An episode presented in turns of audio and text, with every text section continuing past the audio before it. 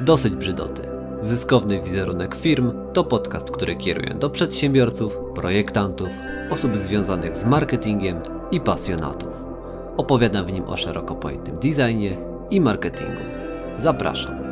Czy wybór fontu ma znaczenie? Czasem jest tak, że spoglądasz na materiały jakiejś firmy, na wizytówkę czy ulotkę, które właśnie otrzymałeś od przedstawiciela i zdaje ci się, że wyglądają one bardzo profesjonalnie. Czy porównywałeś kiedyś takie materiały z materiałami, które na pierwszy rzut oka wyglądały w porządku, ale jednak te pierwsze były lepsze? Jeśli tak, to być może zauważyłeś, że bardzo istotnym czynnikiem jest typografia. Moim zdaniem, dobrze dobrana typografia w identyfikacji wizualnej to połowa sukcesu. W tym podcaście, na podstawie kilku przykładów, postaram się zobrazować, jak typografia może wpływać na odbiór tego, co oglądamy. Zacznijmy od tego, co to właściwie jest ta typografia. Być może należysz do nielicznego grona, które wie, czym jest typografia i serdecznie Ci gratuluję, jeśli tak jest. Jeśli jednak nie wiesz, to za chwilę przedstawię Ci wiedzę w pigułce, która pomoże Ci w zrozumieniu tego zagadnienia. Sprawdźmy najpierw, co mówi o typografii Wikipedia. Typografia termin mający szereg pokrewnych znaczeń związanych z użyciem znaków pisarskich w druku, prezentacją ich na ekranie monitora komputerowego i tym podobne. Jak widać, ta definicja może nie do końca być jasna. Pozwolę sobie ją rozwinąć. Typografia to bardzo szerokie zagadnienie i dotyczy wszelkich cech dotyczących pisma. Rodzaju czcionki, wielkości, proporcji, interlinii, kerningu, podziału na kolumny itd. Tak to nie tylko zależności między kolejnymi akapitami, ale nawet między pojedynczymi literami. I nie martw się, jeśli nie rozumiesz wszystkich słów, które padły w poprzednich zdaniach. Na przykład kerning lub interlinia. Najważniejsze jest ogólne zrozumienie działania typografii. Typografia może też sugerować charakter marki. I może być też tak, że źle dobrana typografia będzie przedstawiała cechy, z jakimi marka nie chce być kojarzona.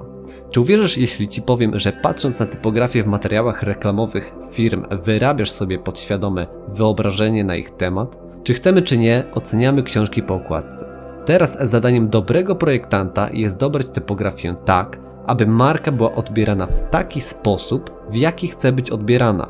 Często jest tak, że szeryfowy font sugeruje przykład prestiżowy charakter lub nawiązanie do tradycji, a bezszeryfowy nowoczesność.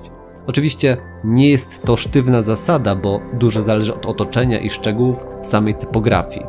Ale przykładowo, mamy takie logo Toyota. Jest to bezszeryfowy i symetryczny font sugerujący stabilne, proste rozwiązania. Dokładnie takie, z jakimi Toyota chce być kojarzona. A jeśli weźmiemy sobie na tapetę na przykład logo Rolexa, to zobaczymy w nim szeryfowy, dostojny font, który połączony dodatkowo z sygnetem w postaci korony ukazuje jak bardzo prestiżową marką jest Rolex. Z kolei logo Disneya.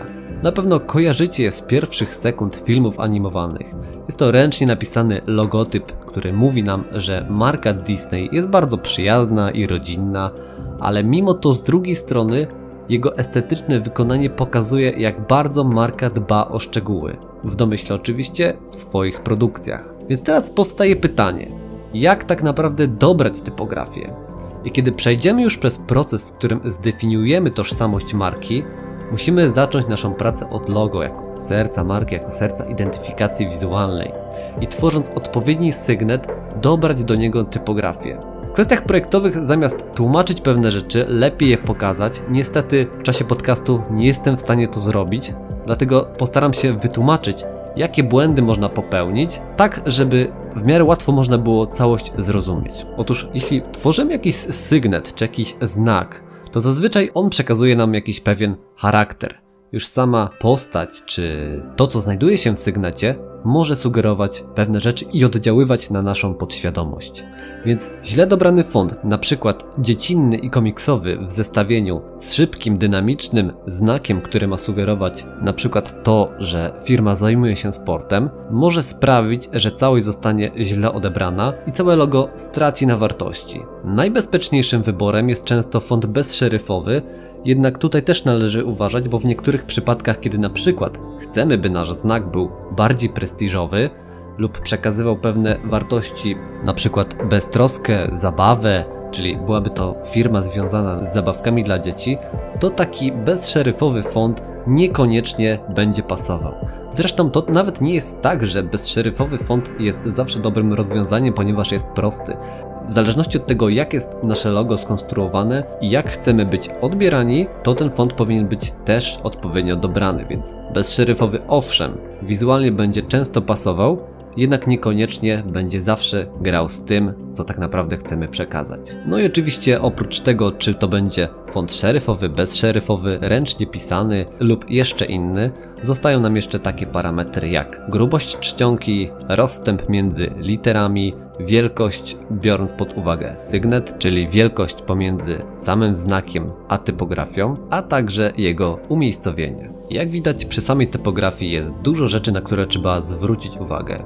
I trzeba pamiętać, że nie samym logo marka żyje. Więc teraz, kiedy już dostrzegasz pewne niuanse i wiesz, że odpowiednia typografia potrafi zrobić różnicę, a to samo logo może być zupełnie inaczej odbierane, masz szansę na realizację strony internetowej i reszty identyfikacji wizualnej w odpowiedni sposób. A przynajmniej wiesz na co zwracać uwagę we współpracy z agencją reklamową. Od dzisiaj możesz też zabłysnąć wśród przedsiębiorców, projektantów i znajomych znajomością podstaw typografii i zwrócić uwagę na piękno drzemiące w tak często niedostrzeganych przez nas materiałach.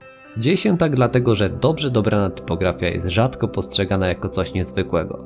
Po prostu jest to coś normalnego i przeciętny człowiek nie wie dlaczego pewne projekty tak bardzo mu się podobają lub są po prostu obojętne, przykład typografia czytelnej książki. Z kolei gdy typografia jest źle dobrana, to od razu widzimy, że coś nam nie pasuje i zwracamy na to uwagę. Na przykład źle opisane oznakowanie, nieczytelne teksty, nieestetyczne i niespójne materiały reklamowe. Wtedy już jednak jest za późno. Przedsiębiorca zainwestował w projekty i wydrukował identyfikację, książkę, opakowanie produktu i tym podobne.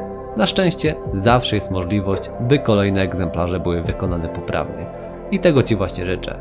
Niech Twoja identyfikacja będzie wspierana przez idealnie dobraną typografię.